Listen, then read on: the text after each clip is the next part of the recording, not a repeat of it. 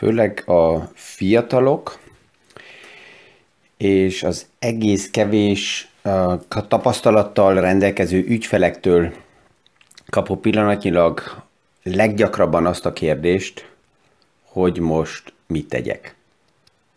Mi is aktuális pénzpiaci témákról, összefüggésekről beszélgetünk. Gazdaságról érthetően János Zsoltal. Üdvözlünk mindenkit a mai PFS Kávézac podcaston. És ez egészen normális, mert egy páran egymás után így lassan jönnek rá a befektetők, hogy úgy tűnik, hogy nagy paraméterek változnak, és ezek a paraméterek változnak, hogyha így 10-11 évre nézzük a piac a körny- környezetét, és a paraméterek változnak akkor is, hogyha 40-50 évre nézzük a paramétereket. És az első, amit itt mondani tudok, hogy mit tegyek, az ma még inkább az, amit évtizeden keresztül ilyen formában én sem mondtam, és, és ez is megváltozott, hogy aki ma felteszi a kérdést, hogy mit tegyek, a legelső, hogy investáljon főleg saját magába. Investáljon a mindset kérdésbe, azért, hogy megértse, hogy most mi történik, az összefüggéseket lássa, és ki tudjon lépni a, az áldozat szerepből. Mert aki nem foglalkozik ezzel a kérdéssel, és nem investál abba, hogy megértse, hogy mi történik, az pont ezzel a kérdéssel, hogy akkor most mit tegyek, és a saját ja, tehetetlenséggel és, és, és hiányzó információkkal nagyon hamar kihasználható. Tehát, hogyha megnézzünk paramétereket, akkor itt Warren Buffettnek az idézetei passzolnak pillanatnyilag a legjobban, mikor ő újra és újra nem csak arra a tippet, hogy mit tegyen egy befektető, hogyha a piacok visszakorrigálnak, hanem mit tegyen a befektető akkor, hogyha ez a gyenge piaci helyzet nem egy hónapot tart, nem egy évet tart, lehet, hogy nem is öt évet tart csak, hanem akár évtizedet. És ha visszamegyünk az elmúlt um, évtizedekbe, és megnézzük, hogy a piacok hogy tudtak alakulni, mik történtek a piacokba, akkor látjuk, hogy akár voltak olyan időszakok is, amikor a nagy piacok akár 10-15 éven keresztül oldalaztak, vagy csak egyszerűen stagnáltak. Ha visszamegyünk és megnézzük, 1907 és 21 között 14 év volt az az időszak, amikor alapjában a piac nem nagyon emelkedett, hanem oldalazott. 29 és 49 között 20 évig kereste a piac a nagy összeomlás után saját magát. 1966 és 82 között, az megint 16 év oldalazó piac és 98-tól 2014-ig is akár oldalazó piacnak nevezhetjük. Tehát hosszabb szakaszok tudnak lenni, amikor a piac nem automatikusan úgy, mint az elmúlt években csak egy irányba megy felfele, és nagyon sokan, akik 2008 után kezdtek el a, esetleg a piacokat, még, még nagyon sok esetben nem is befektetni, hanem figyelni és látni, hogy ott mi történik, és az elmúlt években 20-21-ig kezdtek el befektetéseket, azok azt látták 2008 óta, hogy a piac plusz-minusz egy irányba megy, van egy pici uh, visszaesés, akkor passzol a buy the dip. És itt Warren Buffett valamikor, mikor így, így a piacnak a gyenge oldalairól beszélünk, akkor mindig azt mondja, hogy sajnos ebből a szempontból az emberek, a befektetők úgy reagálnak, mint az emberek. És ez azt jelenti, hogy amikor euforikus a piac, akkor egyes befektető is nagyon hamar euforikusán válik, és ha pánikol a piac, akkor az egyes befektető is hamar pánikol.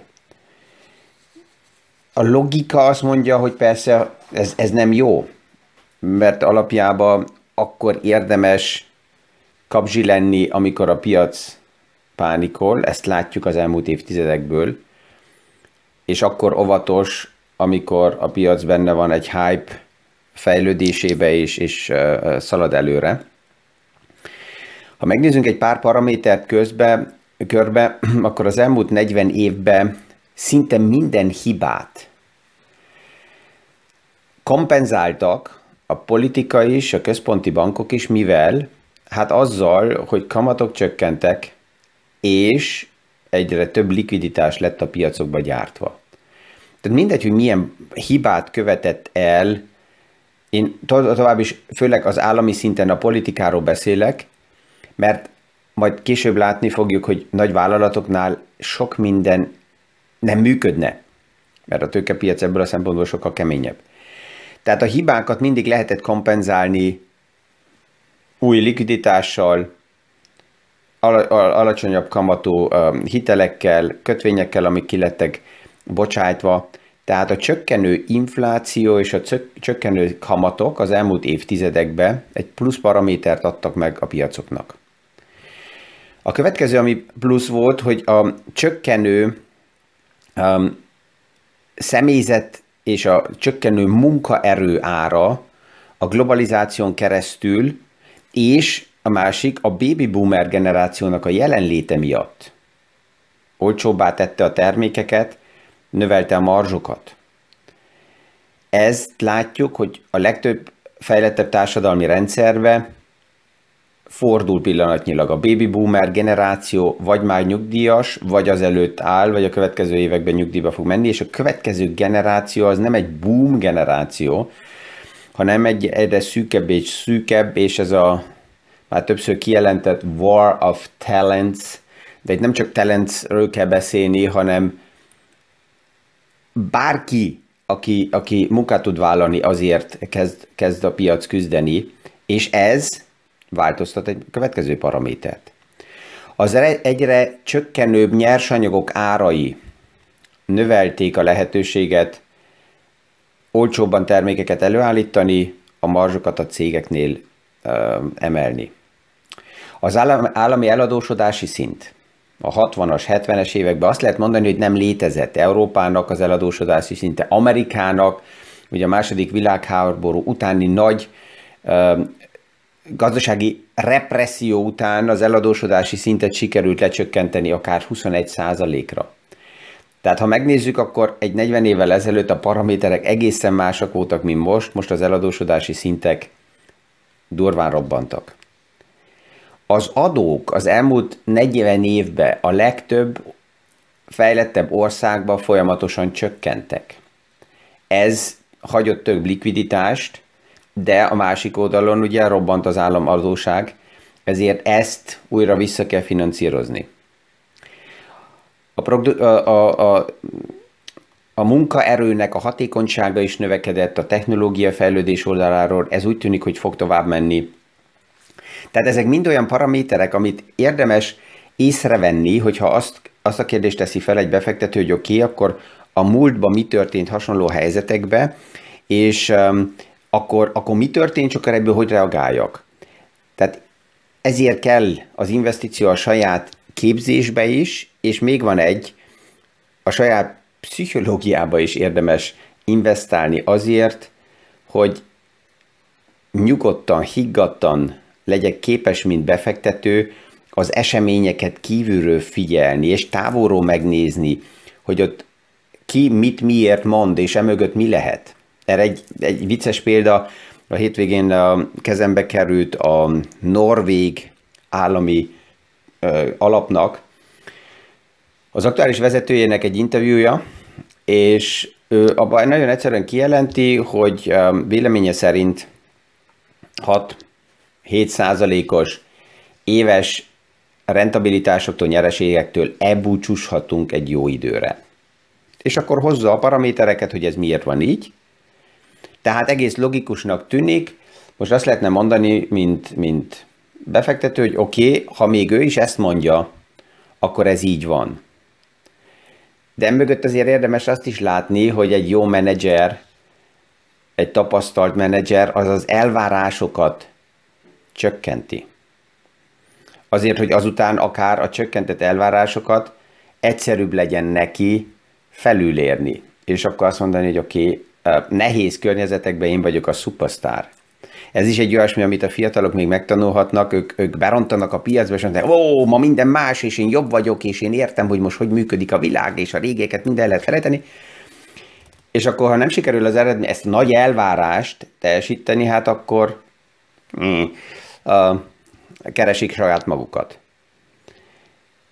Tehát itt is meg lehet érteni, hogy egy menedzser, mint a Norvég alapnak is a menedzsere, azon van mérve, hogy milyen eredményeket ér el, és amikor ő ma kilép a színpadra, és azt mondja, hogy nő, keveset várjunk el, semmit nem várjunk el, és mindenki azt mondja, aha, oké, tényleg meg kell fogadni, akkor erre persze, hogy más szemszögből egyszerűbb egy picit rátenni eredményeket, ha bár persze, hogy lehet valóság mögötte, de csak ezt mondom, hogy ha megvan szélesebb informáltságom, akkor, akkor képes vagyok minden minden hírt, minden megszólalást egy másik szemszögből is megvilágítani. Azt, amit ma reggel elmondok, ha kikapcsoljuk a mikrofont és újra felveszem a podcastot, akkor egy másik szemszögből is elmondhatnám. Mert mindennek van két oldala. A kérdés az, hogy melyiket fényezem éppen. Ha megnézzük, ugye egy, egy norvég államnak, állam kötvényének is megvan 1,2 billió dollár, nem euró nagyságrend, amit, amit ő kezel, ha valaki próbálná ezt leképezni, utána építeni, annak ez hosszú sztori lenne, mert körülbelül 9800 részvény van ebbe az alapba, körülbelül 11 ezer különböző kötvény, tehát azért elég széles, de ami a legjobban tetszik nekem ezen az alapon, hogy például ugye Norvégia nagyon erősen exportálja az olajat, de ő saját maga nem használja fel az olajnak a nagy részét, hanem az energiáját nagy részt vízerőműből nyeri, és ezért az egész energiatranszformációba sokkal-sokkal előbbre tart, de hát addig, amíg a piac valamit megvesz, mint például az olajat, ebből finanszírozza, és építi fel a struktúrát, főleg a következő generációkra nézve, hogy itt nem az eladósodással legyen elől, és a hazugságokat, ígéreteket adjon el a politika, amikor választások vannak, hanem a következő generációra gondoljon. És ő kijelenti azt, hogy azért az a véleménye, hogy a, a hozamok nem fognak emelkedni, mert a globalizáció megáll. De hát ugyanakkor, mikor ezt így ő kimondja, látjuk, hogy a piacon van olyan vélemény is, amelyik minimum ilyen erős tud lenni, mint egy Goldman Sachs, mint egy Morgan Stanley, akiknek a véleményük az, hogy a globalizáció még előttünk áll valójába, mert az aktuálisan picit botladozó globalizáció, ez arra épült fel, hogy Kína nagyon-nagyon erősen előtérbe szaladott, és Kína segített a globális fejlődésekbe. Na most Kínát így is úgy is le fogja váltani nagy valószínűséggel gazdasági oldalról, mert erősebb egy másik uh, nagy hatalom, erről beszéltünk a múlt héten, India, és a képzettségi szint Indiával sokkal-sokkal magasabb, mint Kínába. És ez Morgan Stanley és Goldman Sachs véleménye szerint a következő globalizáció píket fogja hozni. Tehát akkor is, hogyha ma megvannak a paraméterek, hogy mi minden történhet, milyen negatív um, paraméterek vannak, ez nem azt jelenti, hogy vége a gazdaságnak, hanem áttransformálódik újra. És ilyen áttransformálódik, ilyen, ilyen transformálások újra és újra megvoltak. Warren Buffett idézett vissza, hogy mennyire pervers szerinte a piac. 1968 körül, a, amiután ha visszanéztek a visszapillantó tükörbe, ja, és ez egy, ez egy fontos reflexe sajnos a befektetőknek, mikor a piac bizonytalan kezd lenni, és az árfolyamok nem szárnyalnak, akkor nem a vállalatokat nézik meg, a gazdaságot nézik meg, hanem az árfolyamokat kezdik megnézni. És ez alapjában nem segít. 1966-68-ban már megvolt az a divat, amikor szinte száz százalékban akár még, ugye az amerikai nyugdíjpénztárak már akkor másképp fektethettek be, mint az európaiak, szinte 100%-ban részvényekbe fektettek be. 60, 68-ba. Az előbb hallottuk azt, hogy 66 és 82 között egy nagyon erős stagnáló, odalazó piac volt. Miért fektettek 68-ba erősen részvényekbe be? Hát nagyon egyszerű. Azért, mert olyan körülbelül 1946-47-től 66-ig egy boom piac volt. Tehát a múltat vették meg. Majd a ciklus végén, 1982-ben, és ez egy negatív rekord volt, amit így eh, Warren Buffett túlélt és felmutatott, 1982-ben ennek az oldalapító piacnak a végén csak 9%-ba fektették a nyugdíjpénztárak az új pénzeket részvényekbe be. Miért? Hát azért, mert 66 és 82 között oldalazó piac volt. Tehát megint a múltat vették meg. Az érdekes az, hogy aki 82-ben megértette, hogy mi történik a piacokban, az a 82-től elinduló nagyon erős boom piacba, ami ment olyan körülbelül 2000-ig, abba benne tudott lenni. De hát 82-ben nem volt szexi részvényeket a portfóliókba venni. Miért? Azért, mert a múlt az stagnált. És ez újra és újra egy fő probléma, van olyan befektető, amikor beszélgetünk különböző befektetési témakörökről, és ötletekről, akkor azt kérdezi mindig, hogy oké, okay, tudok mutatni egy csártot, hogy ez a befektetési szektor, ez a kategória, ez a, az elmúlt időben mi, mi, hogy alakult? És ebből nagyon sokszor azt szeretnék látni, hogy ez szárnyalt, ez emelkedett. És néha a provokációból mutatok olyan csártot, amelyik tényleg szárnyalt, de nem az a szektor, amiről beszélek, és akkor van olyan befektető, aki azt mondja, hogy hú, ez nagyon tetszik, oké, okay, akkor ide fektessünk be. És akkor azt mondani, hogy itt az a baj, hogy ez a szárnyalás, ez akkor lenne szép és jó, ha már ebbe benne lettünk volna. Ma olyan szektort kell vegyünk, amelyiket nem a múltat nézzük, hanem előre nézünk. És előre nem látjuk az árfolyamokat. De tudom, hogy ez nehéz. Ez, ez az, ami nem változik meg, ez évtizedek óta ugyanaz a téma, és így, így, hogyha erről a témáról is beszélek, hogy mikor, hogy érdemes, um, az is fontos, hogy ne értse senki félre, nem az a célom, hogy ilyen, ilyen uh, vándor prédikálóvá váljak, vagy legyek, nekem teljesen mindegy, hogy ki mit csinál a, a tartalék pénzével, tehát oda teszi, ahova akarja. Itt, itt csak arról beszélgetünk, hogy, hogy mik azok a, a paraméterek, mik azok az emberi, pszichológiai hátterek is, amik a tömeget, hogyha nem figyelünk, és nem tudunk kiszállni a tömeg mozgásából, akkor nem feltétlen jó irányba visznek. Mert ugye a, a, van olyan fiatal is, amelyik azt mondja, hogy én kiszálltam, és csak azt csinálom, hogy akkor, um, hogyha megvan egy visszaesett árfolyam, akkor ebbe belevásárolok.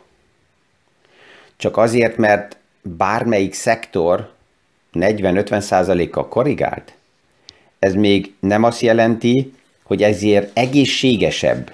Még az is lehet, hogy a mai 40-50 százalék is még mindig túl drága, és oda nem érdemes befektetni. Ray Dalio valamikor azt mondta, hogy pár héttel ezelőtt egy interjúban, hogy egy részvény, amelyik ma mínusz 90 százaléknál van, az az a részvény, amelyik a tegnap mínusz 80%-nál volt, és még egyszer korrigált 50%-kal. Tehát minden szintről, minden szintről. Tud egy befektetés még mindig korrigálni 50%-kal, a döntő mindig az, hogy mit, mit tesz a business modell.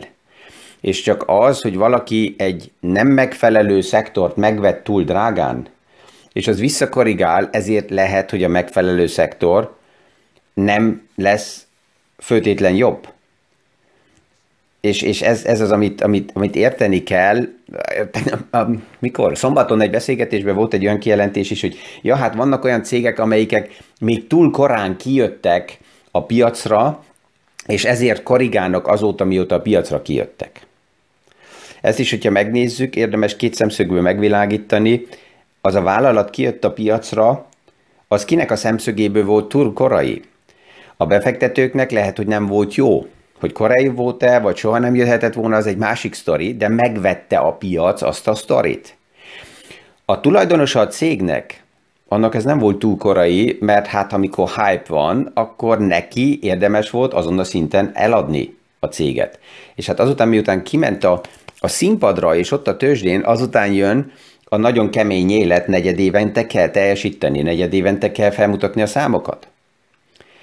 És ezért ezek a piaci helyzetek is, amik most vannak, ez azért jó, mert a befektetőknek segít feltenni azokat a kérdéseket, hogyha befektetek, összeállítok strukturálisan egy portfóliót, akkor mi kell történjen, hogy ne a napi árfolyamokat nézzem, és ne az árfolyamok szerint alapján hozzak meg döntést, hogy valamilyen szektort beveszek-e a portfólióba, vagy nem. Aki ezt nem tudja kezelni, annak sajnos úgy tűnik, hogy elég kemény idő áll előtte, mert még az is azt mondja, hogy oké, okay, kiszállok teljesen, ebbe a helyzetbe sem tud összehasonlítani az aktuális paramétereket 1907-tel, 29-el, 66-tal, 2000-rel, rengeteg paraméter körbe megváltozott, és az alternatívák azok nem kedvezőbbek, hanem részben még rosszabbak. Látom, hogy az idő megint lejárt, itt még rengeteg ötlet és cetli van előttem, amiről beszélgethetnénk, de hát ez jó hír is, mert azt jelenti, hogy akkor hónap tudjuk folytatni. Ezzel ma is kívánok mindenkinek egy fantasztikus hetest, nagyon kellemes napot, és viszonhallásra a hónap reggeli kávézac podcastig. Ja, ezen a héten még szerda este lesz egy plusz szórakozás, mert szerda este egy diványbeszélgetés is lesz, tehát ott videóformába is kimegyünk a kirakatba. Mi is aktuális pénzpiaci témákról, összefüggésekről beszélgetünk. Gazdaságról érthetően János Zsoltal. Üdvözlünk mindenkit a mai PFS Kávézac podcaston!